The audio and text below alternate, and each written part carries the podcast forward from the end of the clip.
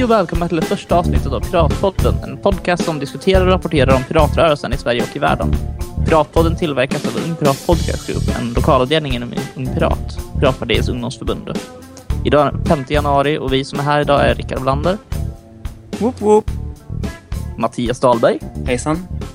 Och jag, Anton Nordenfur. I detta första avsnitt kommer vi att fokusera på Piratbalen som nyligen anordnades i Uppsala. Vi kommer att intervjua Louise Kvarfort som arrangerade balen och vi kommer även att intervjua Ung Pirats förbundssekreterare Mikael Holm som under balen utnämndes till OS Pirat 2012. Vi kommer även att ta med en kort intervju med Amelia Andersdotter som är Europaparlamentariker för Piratpartiet. Men först ska vi börja med en kort presentation av vad som sitter här i podcastpanelen. Ja, jag heter Mattias och just nu är jag kassör i Ung Pirat Skövde. Jag blev först aktiv i Piratpartiet genom livesupporten och när den lades ner så blev jag istället aktiv i mailsupporten. Och där sitter jag än idag. Och det är egentligen min historia. Och eh, för de som vill veta så mm, har jag även, går jag även tredje året på musikprogrammet på gymnasiet.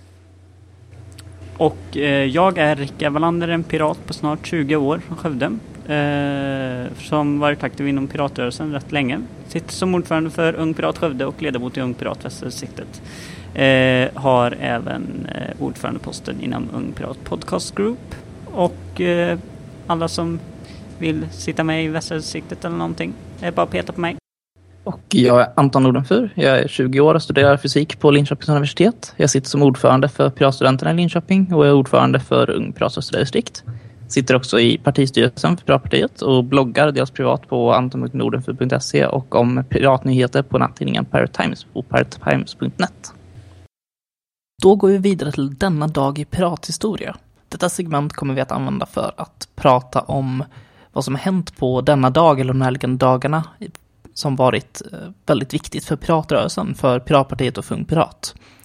Om ni vill bidra så får ni hemskt gärna gå in på piratenpad.de p pirathistoria och skriva in era förslag på olika datum som varit väldigt viktiga för piratrörelsen. Och denna dag i pirathistoria hade vi ingenting för 5 januari, men den 1 januari har varit en av de viktigaste datumen i Piratpartiets och Piratshistoria kan man väl säga. 2006 så grundades Piratpartiet på nyårsdagen den 1 januari av Rick Falkvinge som lanserade piratpartiet.se och började samla in namn för att kunna registrera sig som ett parti, vilket man sedan gjorde i februari. Eh, det var också 2011, fem år senare, som Rick Falkvinge avgick som partiledare och Anna Troberg, som då var vice partiledare, tillträdde. Vad kommer du ihåg från, kommer du ihåg, du var aktiv då va, Rickard? När hon tillträdde? Ja, när hon tillträdde ja. Eh, rörde ju om en hel del där eh, i ledningsgruppen. Men eh, det har ju ändrats eh, sedan dess. Jag kommer ihåg att den allra största grejen som hon och många andra tog upp när hon tillträdde var att man ville ändra om lite för att få bort lite av den här eh, teknologiska stämpeln som partiet hade fått. Och man ville föra tillbaka lite hjärta i politiken, pratade hon om mycket. Och lade det som en stor grej av sin tid som partiledare. Jag kommer ihåg det när jag första gången träffade både Rick och Anna och 2010 tror jag det var, inför valet där så var de i Linköping och då träffade jag dem. Eh, när Anna var vice då. Ändå kommer jag ihåg att båda var jättetrevliga och liksom bemötte oss vanliga medlemmar som inte hade någon förtroendepost eller någonting. Efter att Anna hade tillträtt eh, så var jag med i, på Pride 2011 och var med som medansvarig. Och då träffade jag Anna för, för andra gången och första gången som partiledare. Och jag kommer ihåg att jag blev väldigt imponerad av att hon kom ihåg mig då, när det var ja, drygt ett år senare. Och vi hade bara träffats tio minuter vid ett tillfälle. Och jag kommer ihåg bara som vanlig medlem utan något speciellt ansvar eller någonting att partiledaren kände en och eller i alla fall kände igen en och kunde skaka hand och träffas och prata och såna grejer. Och kul att kunna ha så down to earth partiledare, både Rick och Anna. Och jag har ju också ett minne eh, av Anna Troberg och det var i samband med omvalet eh, 2011 i Västra Götaland. Då Anna och eh, Rick gjorde valturnéer båda två. Anna var på plats i Skövde och då vid det tillfället så var jag vice kommunledare i Skövde kommun för Piratpartiet. Så satt vi och fika en hel del eh, och då var det februari. Och sen i slutet på mars så var det Ung Pirats förbundskongress i Uppsala. Och då, eh, och då var det så roligt för att när jag och Anna sågs på lördagen så hon, precis som du säger där Anton, så var det att hon kommer ihåg mig. Och dels att hon eh, avslöjade att hon och jag gillar samma godissort tydligen. Så att eh, då köpte jag en godispåse som en liten symbolisk handling. Så gulligt. Jag tror det är jättestor skillnad bara av eh, speciellt till exempel partiledare men också som eh, UPs eh, förbundsordförande Gustav Nipe. Men bara känna igen medlemmarna och kunna prata med vanliga medlemmar eller vad man ska säga. Som jag är urkass på namn, jag kommer aldrig ihåg vem någon är. och jag märker ju själv hur ja, man verkar inte lika häftig av det. Jag blir, jätte, jag blir jätteimponerad av de som faktiskt kommer ihåg folk och faktiskt kan hålla lite sociala band så länge. Det var den här dagen i pirathistoria. Yes. Och där går vi väl över till nyheter va? Mm. mm. Rickard, du ska prata eh. lite om vår EU-parlamentariker. Ja, eh, Amelia Andersdotter eh, har fått en väldigt fin utmärkelse och det är att hon har blivit utnämnd till årets femte viktigaste nätaktivist. Tro det eller ej. Eh, det var eh, på grund utav en eh, förordning inom EU-parlamentet som eh, hon fick denna utmärkelse och vi har gjort en exklusiv intervju med henne. Och den kommer här.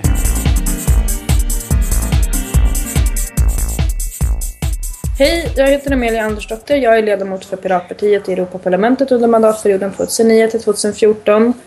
Ehm, jag sitter i ett kontor på sjätte våningen eh, i e-hissarna. Eh, det är ganska trevligt fast vi har en utpost där och sitter ganska långt från de andra kamraterna. Mm. Och eh, anledningen till att vi eh, har bjudit in dig till denna intervju Amelia, det är ju faktiskt inte eh, bara för att du är våran eh, Europaparlamentariker. Utan att du är faktiskt utsedd till den årets femte viktigaste nätaktivist 2012. Ja, utav så det... tidningen The Daily Dot. Japp, så verkar det ha blivit. Ja, um, för, för du visste inte ens om det här själv. Nej, jag fick inte reda på det innan de publicerade artikeln. Men eh, däremot så var det många som såg artikeln och informerade mig om att jag stod med där. Så det var ju ganska, ganska roligt och lite överraskande så här typ oj oj, här är jag på plats fem med Jimmy Wales och Windsurf och andra. Precis. Så, mm. Nej, det var väldigt eh, roligt. Ja, för en av de största nätfrågorna 2012 var, eh, rörde ju ACTA-avtalet eh, som handlar om skydd mot piratkopiering och varumärkesförfalskning. Och eh, du var ju eh, den största motståndaren utav den. Ja, mm, det är väl så för kanske. Du, för, för, du föreslog ju att IT-utskottet skulle avslå avtalet. Japp, det gjorde jag. Eh, men Eh, frågan om ACTA-avtalet är ganska lång. Alltså avtalet har förhandlats mellan 13 olika parter sedan 2007. Så det är väldigt många människor som har varit involverade i att tänka på hur det här avtalet kommer att påverka internationella relationer och hur det kommer att påverka Europaunionen eller amerikansk lagstiftning liksom, under hela den här tidsperioden. Eh, men sen var det väl så att jag blev ansvarig för behandlingen av ett yttrande från industriutskottet när jag kom till parlamentet i december förra året. Eh, eller för, förra året blir det ju nu. Eh, och, och, då var vi det första utskottet som föreslog ett av, avslag på, på avtalet.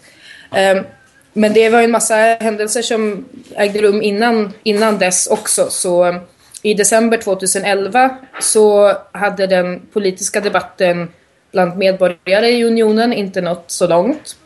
Eh, men sen i januari 2012 Eh, så blev det väldigt mycket diskussioner i Europa om hur vi egentligen bygger vår gemensamma framtid. Och det är klart att när det blir stora protester och diskussioner överallt i alla medlemsländer så påverkar det också hur folkvalda politiker i till exempel Europaparlamentet tänker på olika politiska frågor.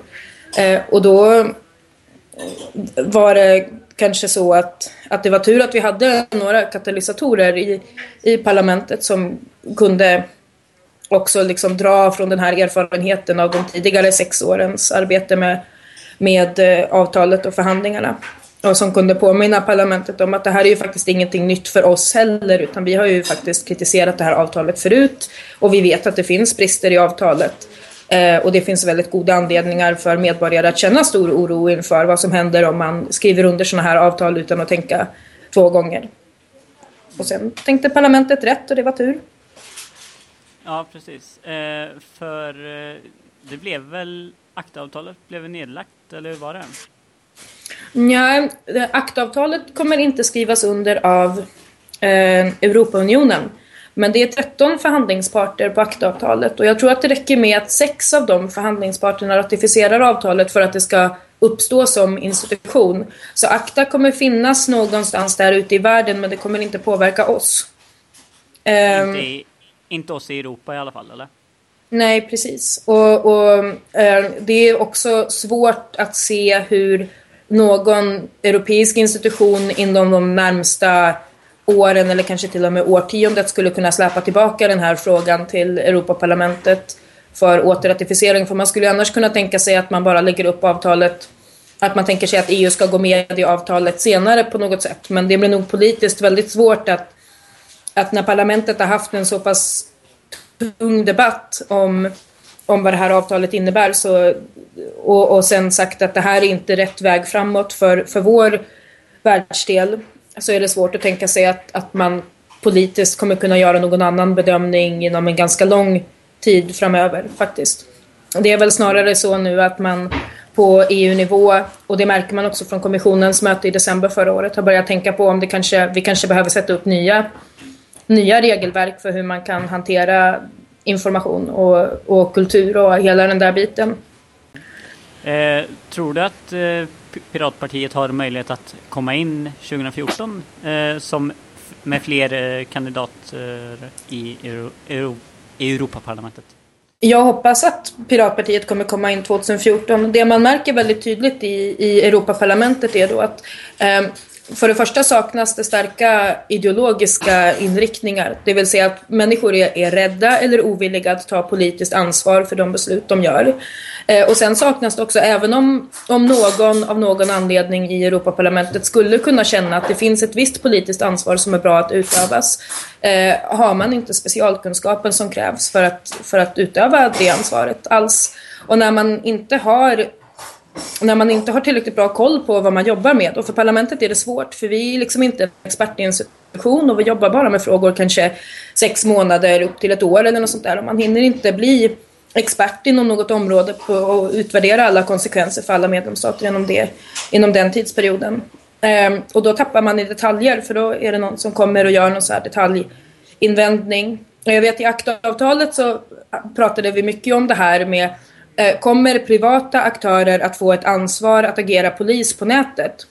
Och då menade vi då att så var det absolut i avtalet. Därför att om det står att alla undertecknade stater ska uppmuntra privata aktörer att agera polis så är det en förpliktelse på de undertecknade staterna att uppmuntra sånt beteende. Medan kommissionen då menade att ja men uppmuntran är ju inte obligatorisk. En uppmuntran betyder ju inte att man ålägger någon någonting. Det betyder ju bara att man föreslår. Och därför tyckte inte kommissionen att det här var en, eh, ett obligatorium på något sätt.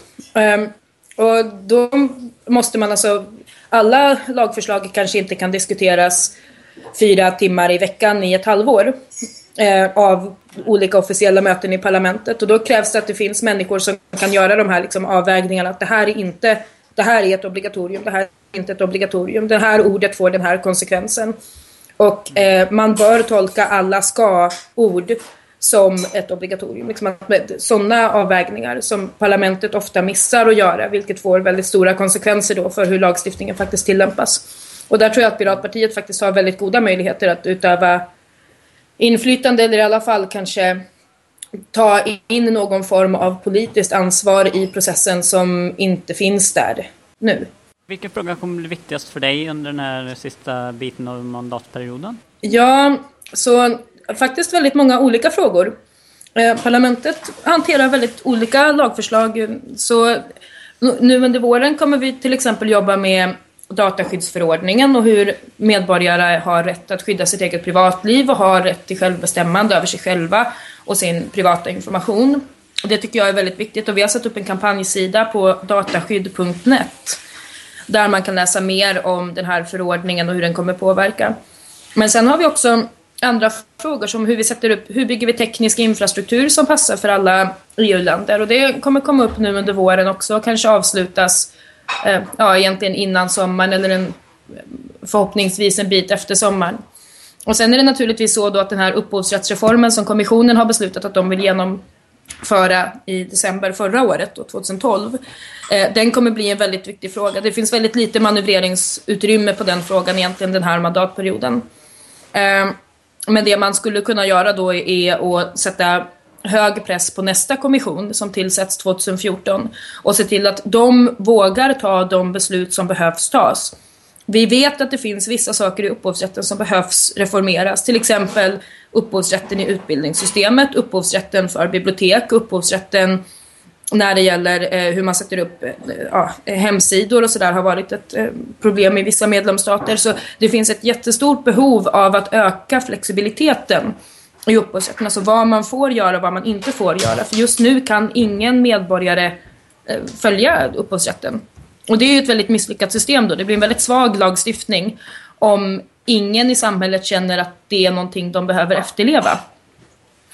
Eh, men den nuvarande kommissionen tror inte jag då har tillräckligt med handlingskraft för att, för att egentligen ta sig an de problemen. Och då måste man ju sätta sin förhoppning till nästa kommission. Och, och där har parlamentet också eh, potentiellt ett inflytande över hur nästa kommission kan tänkas agera. Men då är det naturligtvis så att efter kommissionen väljer att vidta de steg som behövs för att sådana väldigt rimliga förändringar ska kunna genomföras så måste man ändå vara vaksam därför att som jag sa tidigare så händer det väldigt ofta att till exempel parlamentet eller ministerrådet tappar detaljer så att man, vi förlorar i detaljerna. Och då blir det något så här ord som helt ändrar innebörden på, på vad lagstiftningen innebär och det är inte så lyckat. Stort tack Amelia för att du hade tid att ställa upp på intervjun nu. Ja, tack så mycket för att jag fick vara med. Jajamän.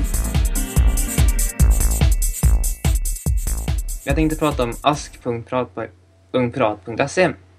Det är en ny tjänst som är liknande answer.yahoo.com och det grundades förra året i november, alltså ask.prat.se. Och hemsidan fungerar genom att vem som helst kan ställa en fråga om vad som helst relaterat till Ungprat och sedan kan vem som helst svara på den frågan. Ja, det är frågor som var anmäler man sig till introutbildningarna? Vad krävs för att en lokalavdelning ska vara godkänd? Vad är skillnaden mellan UP och PP? Ja, precis. Det kan vara, kan vara väldigt precis vad som helst känns det som. Det är inte så mycket politisk diskussion utan sånt utan mer har man en fråga om någonting som Ung Pirat håller på med eller? Eller till exempel hur ska man få göra för att åka med till DreamHack Summer? Ja, precis. Nej, men har man någonting man tänker på inom Ung Pirat så känns det som the, the place to be. Sen så ställer man en fråga där och om inte de är rätt personer att svara, de som hänger där, så kan säkert någon peka en åt rätt håll. Anton, du hade någonting? Vi har ju precis kommit in i ett nytt år nu, den 5 januari. Och det betyder också nya styrelsemedlemmar för Piratpartiet. På höstmötet i november så röstade medlemmarna in fem ledamöter. I, och nya i styrelsen är Anders Lindbäck, Isabel Danielsson, Troed Sångberg och C. Magnus Berglund. Eh, både jag och Plux Stare eh, satt tidigare på fyllnadsval och valdes om för längre mandat nu till 2015. Och dessa valdes också Anders Lindbäck till sammankallande och jag valdes till styrelsens sekreterare. Så det är kul med lite nytt blod i partistyrelsen. Ja, det är jättekul. Eh, och sen så har det ju varit kongressombudsval också rätt så nyligen inom eh, Ung Pirat. Där är det ju så att där väljs 51 kongressombud som får eh, resa, boende och mat betalda på Ung Pirats årliga förbundskongress som hålls varje år. Och hittills har de väl alltid hållit den i Uppsala vad jag vet. Jag tror det. Eh, om man ställer upp som ombud och eh, blir vald men inte hamnar bland de 51 valda utan hamnar bland de 10 som kommer under dem eh, så blir man vald som reserv och får åka ändå om någon utav de 51 som blev valda skulle bli sjuk till exempel. Ja, så var det så har du 51 eh, ombud och sen hur många var det som var reserv? 10. 10. Ja, så det är rätt många som åker ändå. Anton, du hade en sista grej där om... Ja, eh, Ung Pirat och Piratpartiet har lanserat en ny kampanj om eh, dataskyddsförordningen. Dataskyddsförordningen är ett förslag från EU som kommer att bli en viktig fråga under 2013 och det ska bestämmas hur alla EU-länder får ett gemensamt regelverk för hur personuppgifter ska lagras. Till exempel om du är i kontakt med ett företag eller en förening. I nästa avsnitt så kommer vi att intervjua Plux Stare som är kampanjansvarig för eh, den här kampanjen för Piratpartiet. Men redan nu kan du gå in på www.dataskydd.net och läsa på lite mer. Vi ska strax gå vidare till vår intervju med Louise Kvarfort som arrangerade Piratbalen. Vi pirater är ibland dåliga på att fokusera på det rent sociala och roliga och göra avbrott från politiken. Här var Piratbalen som anordnades i Uppsala i december ett riktigt bra exempel på vad man kan göra för att träffas utan att prata politik hela tiden. Balen delades också ut priser till diverse pirater som utmärkt sig under året.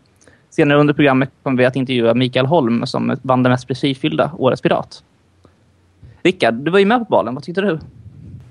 Eh, jag tyckte det var väldigt trevligt. Eh, man fick lära känna nya personer som man inte har träffat tidigare och eh, ja, ett kort avbrott från politiken helt enkelt. Så det är någonting som jag skulle se mycket framöver, liknande aktiviteter. Ja, jag var också med och jag tyckte också det var jättekul. Men jag fastnade i att diskutera politik med några i alla fall, men det var ändå kul. Och jag blev bal balens konung, så ja, jag kan inte riktigt nej, klaga eller så. Att jag Men måste då flika in, jag måste ju flika in då att det var ju lite jävsak gällande det där för att du var ju dels arrangör av balen och du var ju även rösträknare. Så att, jag frågade om någon annan ville räkna rösterna efter att jag upptäckte att jag vann och ingen annan ville det. Så, mm, tough luck. Det är så det går. Ja, ja. Uh, nu tycker jag att vi går vidare till intervjun med Louise Kvarfot. Det gör vi.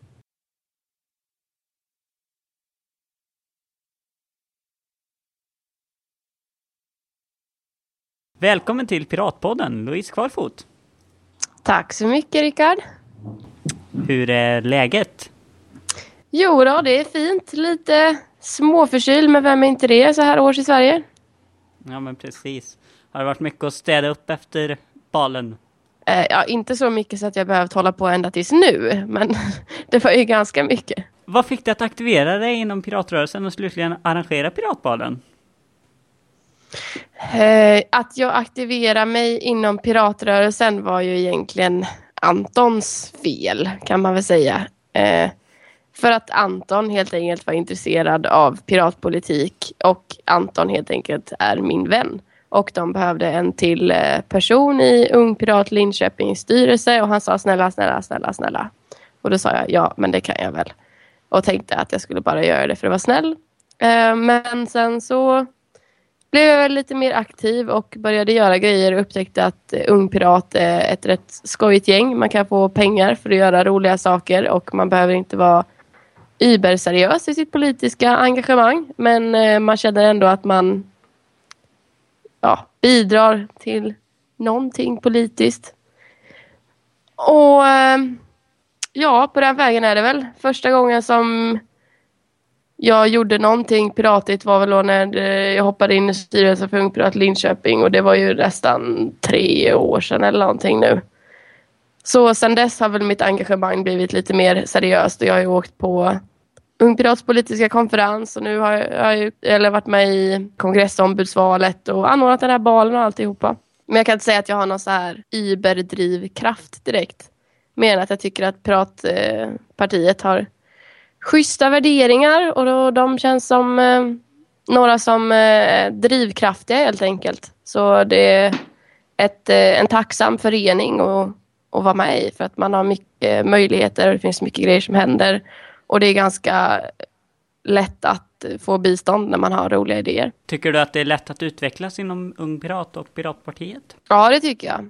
För eh, jag tycker att Piratpartiet är väldigt bra på, och Ung Pirat, att ta tillvara på sina resurser. Alltså om de hittar en person som de märker att oj, den här snubben är jättebra på att skriva, den här snubben är jättebra på att de debattera eller vad som helst så fångar de upp dem. De låter dem inte bara glida iväg och har en massa introduktionsträffar och sånt där bara för att, för att det ska se bra ut. Utan faktiskt så vill de engagera människor i sin politik. Och jag tycker det är väldigt lätt att eh, alltså komma in i själva piratgänget. Man måste inte roa sig med att bara vara med i en lokal förening i ett par år tills man överhuvudtaget vågar göra någonting. Utan man kan bli tillfrågad redan på första träffen liksom, ifall man vill bli eh, ja, ansvarig för någonting inom Ung Pirat. Liksom. Så jag tycker de är, de är duktiga på att ta tillvara på sina resurser. Kan du sammanfatta eh, för de som inte vet något om Piratbalen. Vad var det för något? Alltså det är ungefär som det låter. Det var en bal och det var pirater där. Eh, det var väl ungefär det alltså.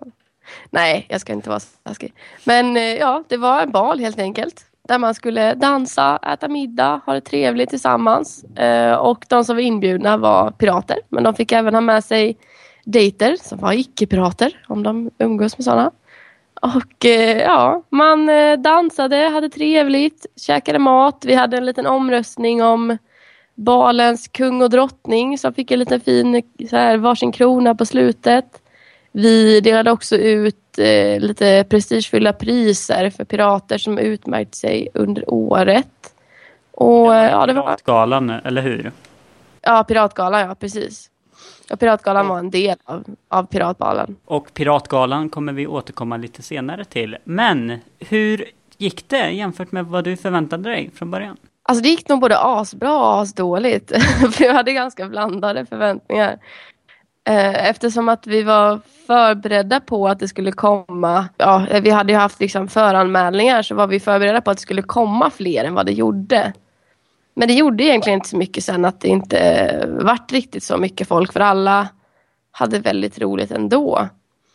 Så ja, det gick väl dåligt på det sättet att det inte kom riktigt så många som jag hade hoppats. Men det gick å andra sidan väldigt bra för att jag trodde inte att det skulle vara så lätt ursäkta mina fördomar mot mina egna kära pirater, eh, för pirater att faktiskt umgås tillsammans en hel kväll utan att man skulle snacka politik eller att man skulle hänga via internet eller så. För att pirater överlag eh, som någon slags homogen grupp räknas väl som eh, lite mer kanske tillbakadragna, lite mer att man gärna umgås på Skype istället för att kanske gå ut tillsammans och eh, ta en öl. Liksom. Så eh, jag visste ju inte riktigt vad man skulle förvänta sig ifall det skulle bli att eh, alla bara satt i ett hörn och inte vågade prata med varandra eller sådär. Men alla hade jättetrevligt och socialiserade och verkade alltså, verkligen trivas och lära känna mycket människor. Och det kom människor som inte hade varit på några piratgrejer alls innan och det var väldigt roligt. Att det kom helt nya pirater som första träff till piratbalen. Det var rätt coolt. Och då kommer ju den stora frågan, kommer det komma någon piratbal nästa år? Alltså ja, det hoppas jag ju. Sen eh, vem som kommer dra i det, det vet jag inte riktigt. Alltså, jag tyckte det var jätteroligt att arrangera Piratbalen. Men samtidigt så var ju lite min tanke med Piratbalen att jag ville gå på bal. För att jag tycker att det är himla nice med bal. Och jag kan inte säga att jag hann dansa särskilt mycket. Jag dansade faktiskt inte någonting under hela balen. Eftersom att jag sprang omkring och höll på med allting runt omkring med att vara värdinna och kökspersonal och allt möjligt. Så jag skulle nog Alltså, jag vill ju jättegärna att Piratbalen ska vara igen. För jag tror att det skulle vara en eh, rolig grej att ha varje år. Just för att det, man inte har så himla många sociala arrangemang under året som inte är fokuserade på just politik utan bara har roligt tillsammans med andra pirater. Men sen om jag kommer vara exakt lika mycket drivande kraft, det vet jag inte. Men förhoppningsvis så finns det väl många som tyckte att det här var roligt och som också tyckte att det här skulle man kunna göra bättre till nästa år. Så att det finns nog många där ute som har eh, idéer och, och, tankar som kan tänka sig att hjälpa till och arrangera nästa års piratbal. För någonting som jag tror är viktigt är att vi är lite fler folk som hjälps åt nästa år. För det var lite, lite skralt på den punkten. Och då undrar jag, hur ser planen ut i framtiden under en femårsperiod till exempel? Kommer ni vilja bli större eller är det bra som det är med storleken eller vill ni minska ner på själva storleken? Och framförallt är det liksom att du, att du frågar så här, om ni vill bli större. Som att vi var så här en, en, en, en tajt grupp som har någon slags egen, samma åsikt. Men jag känner mig att jag är bal-Hitler. Eh, och eh, att jag känner att det är klart att vi vill ha en jättestor bal. Att jag vill ha en jättestor bal. Jag skulle vilja att piratbalen blir mycket större. Att det skulle komma dit mycket mer folk. Eh, så jag, jag hoppas ju absolut genom en femårsperiod att, att att Piratbalen kommer ha varit varje år. Att Piratgalan då i samband med det också kommer ha varit varje år. Så man skapar någon slags pirattradition. Att det blir större, att det är fler som kommer. Eh, att det inte bara blir till en så pass eh, begränsad grupp. Alltså det var ju inte så många som hade åkt till exempel kanske från Luleå eller eh, Malmö för att komma på balen. Liksom, utan det var ju ganska begränsat geografiskt område. Så jag hoppas att eh, vi ska kunna få större ekonomiska möjligheter så att fler kan komma och att det ska bli lättare för alla att kunna komma för att de inte ska behöva lägga ut lika mycket pengar själva och sådär. Så ja, jag har väl inte mycket mer konkreta planer så inom en femårsperiod kan jag väl säga. Vad skulle vara ditt råd till andra pirater som vill arrangera liknande sociala events? Oj, jag kan väl inte säga att jag sitter här med någon slags facit i hand och, och kan ge ut några så här, eh, smarta, jättesmarta råd här nu. Men eh, ja, det är väl att, eh, att göra upp en ordentlig tidsplan skulle jag nog säga ändå. För nu var vi väldigt mycket med att ja, men de här grejerna behöver vi göra. Balen är om ett par månader. Ja, men fixar vi det här eller? Ja då, det gör vi.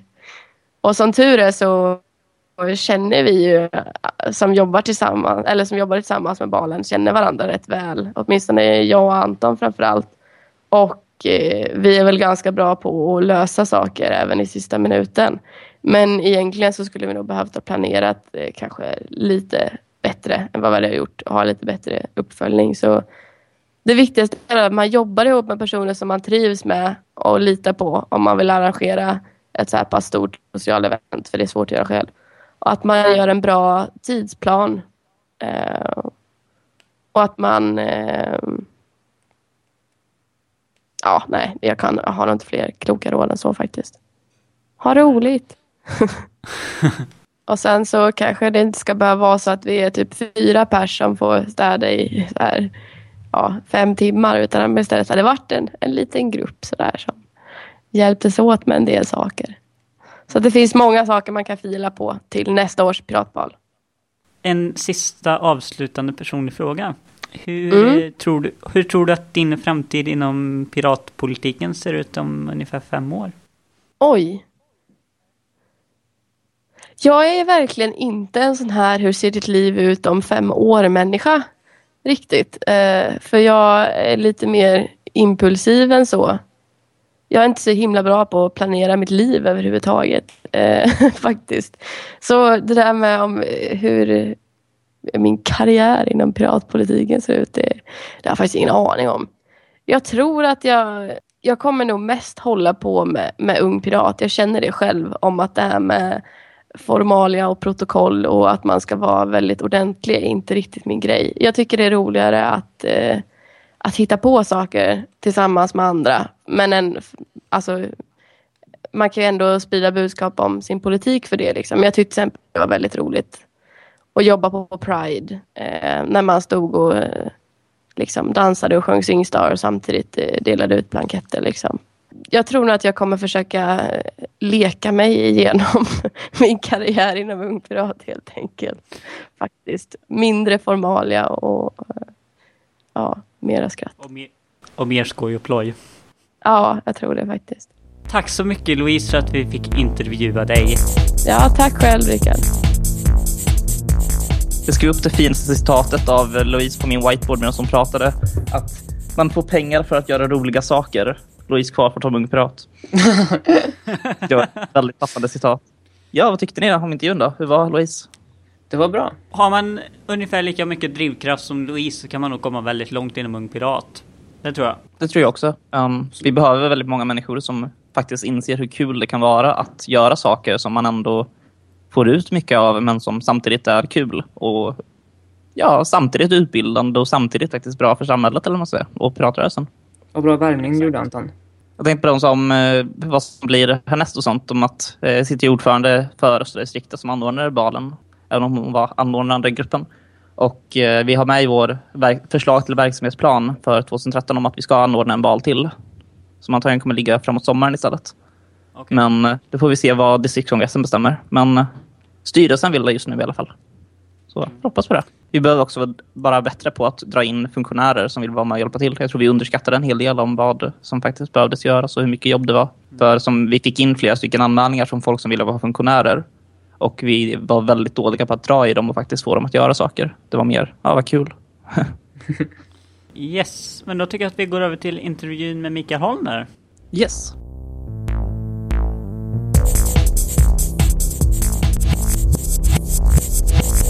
Välkommen Mikael Holm till Piratpodden. Tack så mycket. Hur eh, känns det att bli årets pirat? Eh, det är klart, det är en väldigt rolig... Det, det är en uppskattning på något sätt som man... eh, Det är jättekul. Eh, Samtidigt så har det, man kan ju fråga sig hur jag och eh, min kollega Gustav är båda arvoderade och jobbar ju heltid med det här. Eh, så om man får ge någon önskan till framtiden är ju att priset kanske går till sådana som enbart jobbar ideellt. Eh, som faktiskt lägger ner sin fritid mer på det här än vad, vad man själv gör. Jag jobbar ju ändå trots allt åtta timmar per dag med, med piratrörelsen. Men vad tror du att det var som gjorde att du vann? Nej, jag vet faktiskt inte. Eh, ingen aning. Eh, min förhoppning är ju bara att jag, jag siktar ju alltid på att göra ett bra jobb. Eh, på allt jag ger mig in på. Det är själva riktlinjen med det hela. Sen är det inte viktigt för mig om jag blir, blir ihågkommen för vad jag har gjort. Bara det funkar bra. Liksom. Hur har 2012 varit eh, för Ung Pirat och piratrörelsen? Eh, 2012 var ett intressant år. Eh, vi började lite smått där man inte visste hur, hur vi skulle göra med Ung Pirat. Det var, det var lite på nedgång med antalet medlemmar. Vi var ju nere på 2000 medlemmar ungefär, alltså strax över. Och det kändes som man var tvungen, någonting var tvungen att hända. Sen tog det ju fart ganska rejält. Vi hade de här introduktionsutbildningarna som vi haft under året. Jag tror vi har skickat ner ungefär 100 personer ner till Bryssel som har besökt Amelie Andersdotter och Christian Engström. Eh, och sen nu i slutet av året så fick vi den här jätteboomen med medlemmar. Eh, så nu vid årsskiftet hade vi ungefär 5000 medlemmar. Eh, och man ser även en uppåtsving i, i föreningarna också nu. Jag tror förra året så hade vi väl ja, cirka 45 godkända föreningar. Eh, och i år ligger vi väl på eh, likartade siffror. Men man ser mycket av de här från introduktionsutbildningarna som vill aktivera sig mer. Så det är jättekul. Vad tror du att vi som förbund kommer möta för utmaningar nu när 2013 kommer? Jag tror det främsta är ju att aktivera lokalavdelningarna. Eh, Det har varit väldigt mycket fokus nu under året på central verksamhet. Eh, Men det är ju i lokalavdelningarna som den, den verkliga verksamheten ska, ska genomföras. Det är ju där man vinner valet. Så, så det, det ser jag som den absolut största utmaningen, hur vi ska lyckas med det. Om du får spekulera fritt, eh, hur tror du att din framtid inom Ung Pirat ser ut inom ja, ungefär fem år? Uff, det är en svår fråga. Jag började ju från början från Piratpartiet och var eh, vice valkretsledare där i västra distriktet och sen i Värmland då. Eh, och sen även vice distriktsledare i, i västra distriktet. Eh, för att sedan gå ner i, eller gå ner, för mig känns det att jag gick upp, eh, gå vidare till Ung Pirat. Ja, och förbundsstyrelsen där. Så det är jättesvårt att säga. Eh, jag hoppas jag sitter kvar något år till eh, som förbundssekreterare. Och sen vart jag kan känna piratrörelsen bäst efter det, det vet jag faktiskt inte. Det får visa sig då. Om vi går tillbaka lite till det här eh, med introduktionsutbildningarna. Tror Mm. du att de kommer generera ett större medlemsantal under 2013? Ja, absolut. Absolut jag. Eh, om, vi, om man drar en parallell till kongressombudsvalet som avslutades nu bara för någon vecka sedan. Eh, nästan en stor majoritet, eller en, en viss majoritet i alla fall av de som blev valda är just deltagare på dessa introduktionsutbildningar. Eh, och många av dem är väldigt drivande eh, och sitter nu i flera lokalavdelningar och även distrikt. Eh, så jag hoppas att de tar ännu, tar ännu mer plats nu under 2013 och är med och eh, lyfter upp verksamheten. För genom lokal verksamhet så är det ju så man får mer medlemmar.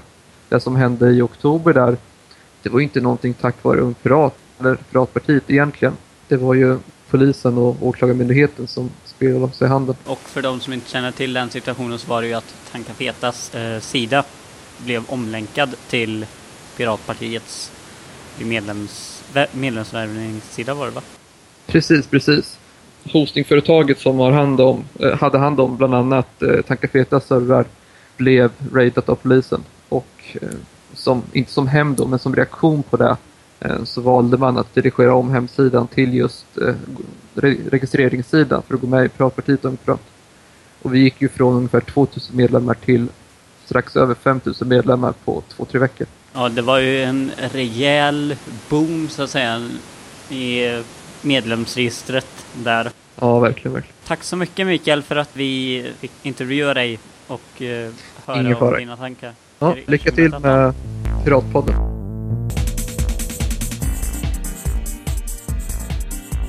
Då har vi kommit till veckans piratcitat. Take it away, Rickard. Yes, och eh, denna veckans piratcitat blir faktiskt lite eh, tvådelat kan man säga. Eh, först eh, så tar vi ett eh, eh, citat som är taget från eh, Johanna Drott om hacking. Eh, och citatet lyder så här. Den som går på myten om hackers farlighet tror att generell kunskap är farlig. Den som inte gör det tror att generell kunskap är någonting som borde stå alla till buds. Både trots och på grund av att dess tillgänglighet kommer att göra kaos med våra etablerade sociala normer. Var inte rädd för människor som kan saker. Var snarare rädd för tanken att kunskap är farlig. Sådana tankar dödar fler människor än vad hackers någonsin gjort. Det var citat från Johanna Drotts eh, blogg på eh, hans blogg Magni Häsa post som hette Din enkla introduktion till hacking på magnihäsa.blogspot.se. Och, eh, sen citat nummer två är faktiskt lite, vad ska man säga Anton, lite inofficiellt eller sådär va? Jag vet inte vilket citat du ska ha än. Det var ju nämligen så här att när vi spelade in intervjun med Amelia Andersdotter Ja. var det en väldigt rolig eh, scen som utspelade sig som gjorde att vi fick eh, klippa om lite i intervjun för att den skulle bli lite mer representabel. Eh, och då så var på eh, Amelia säger eh, vi måste klippa bort det där. Och jag garvar och hon garvar och vi säger Ja, då märker vi direkt hur hög standard det är på den här podcasten. ja, Ja. Eh, ja. Och har du ett eh, piratcitat som du har eh, läst eller sett eller hört så vill vi gärna att du skriver det till oss. Kontaktvägar hittar du på våran Facebook eller på våran hemsida. och hemsidan alltså piratpodden.ungpirat.se. Detta var allt för detta avsnitt av Piratpodden, men håll utkik på piratpodden.ungpirat.se för nästa avsnitt som förhoppningsvis kommer ut framåt slutet på januari. Hoppas vi hörs nästa gång. Hej då, ha det bra. Bam, ba, ba, bam, badam, bam, badam, bam. Bara, bam, ba, bam, bam. Piratpodden, bam, bam, bam, bam, badam, bam, badam, bam. Du har lyssnat på Piratpodden, podcasten som diskuterar och rapporterar om piratrörelsen i Sverige och i världen. Har du tips, frågor eller annan feedback? Kontakta oss genom vår hemsida piratpodden.ungpirat.se. Piratpodden tillverkas av Ung Pirat Podcast Group, en lokalavdelning inom Ung Pirat, Piratpartiets ungdomsförbund. De åsikter som uttrycks på podcasten återspeglar inte nödvändigtvis Ung Pirat eller Piratpartiets. Vill du stödja oss? Du kan bli medlem i UP podcastgrupp, helt gratis. Kolla in vår hemsida piratpodden.ungpirat.se för mer information. Musiken som spelades gjordes av Kevin MacLeod och Frank Nora och är släppt under Public Domain. Denna podcast i sin helhet är tillgänglig under Public Domain. Med andra ord, du får göra vad du vill med den. Hejdå!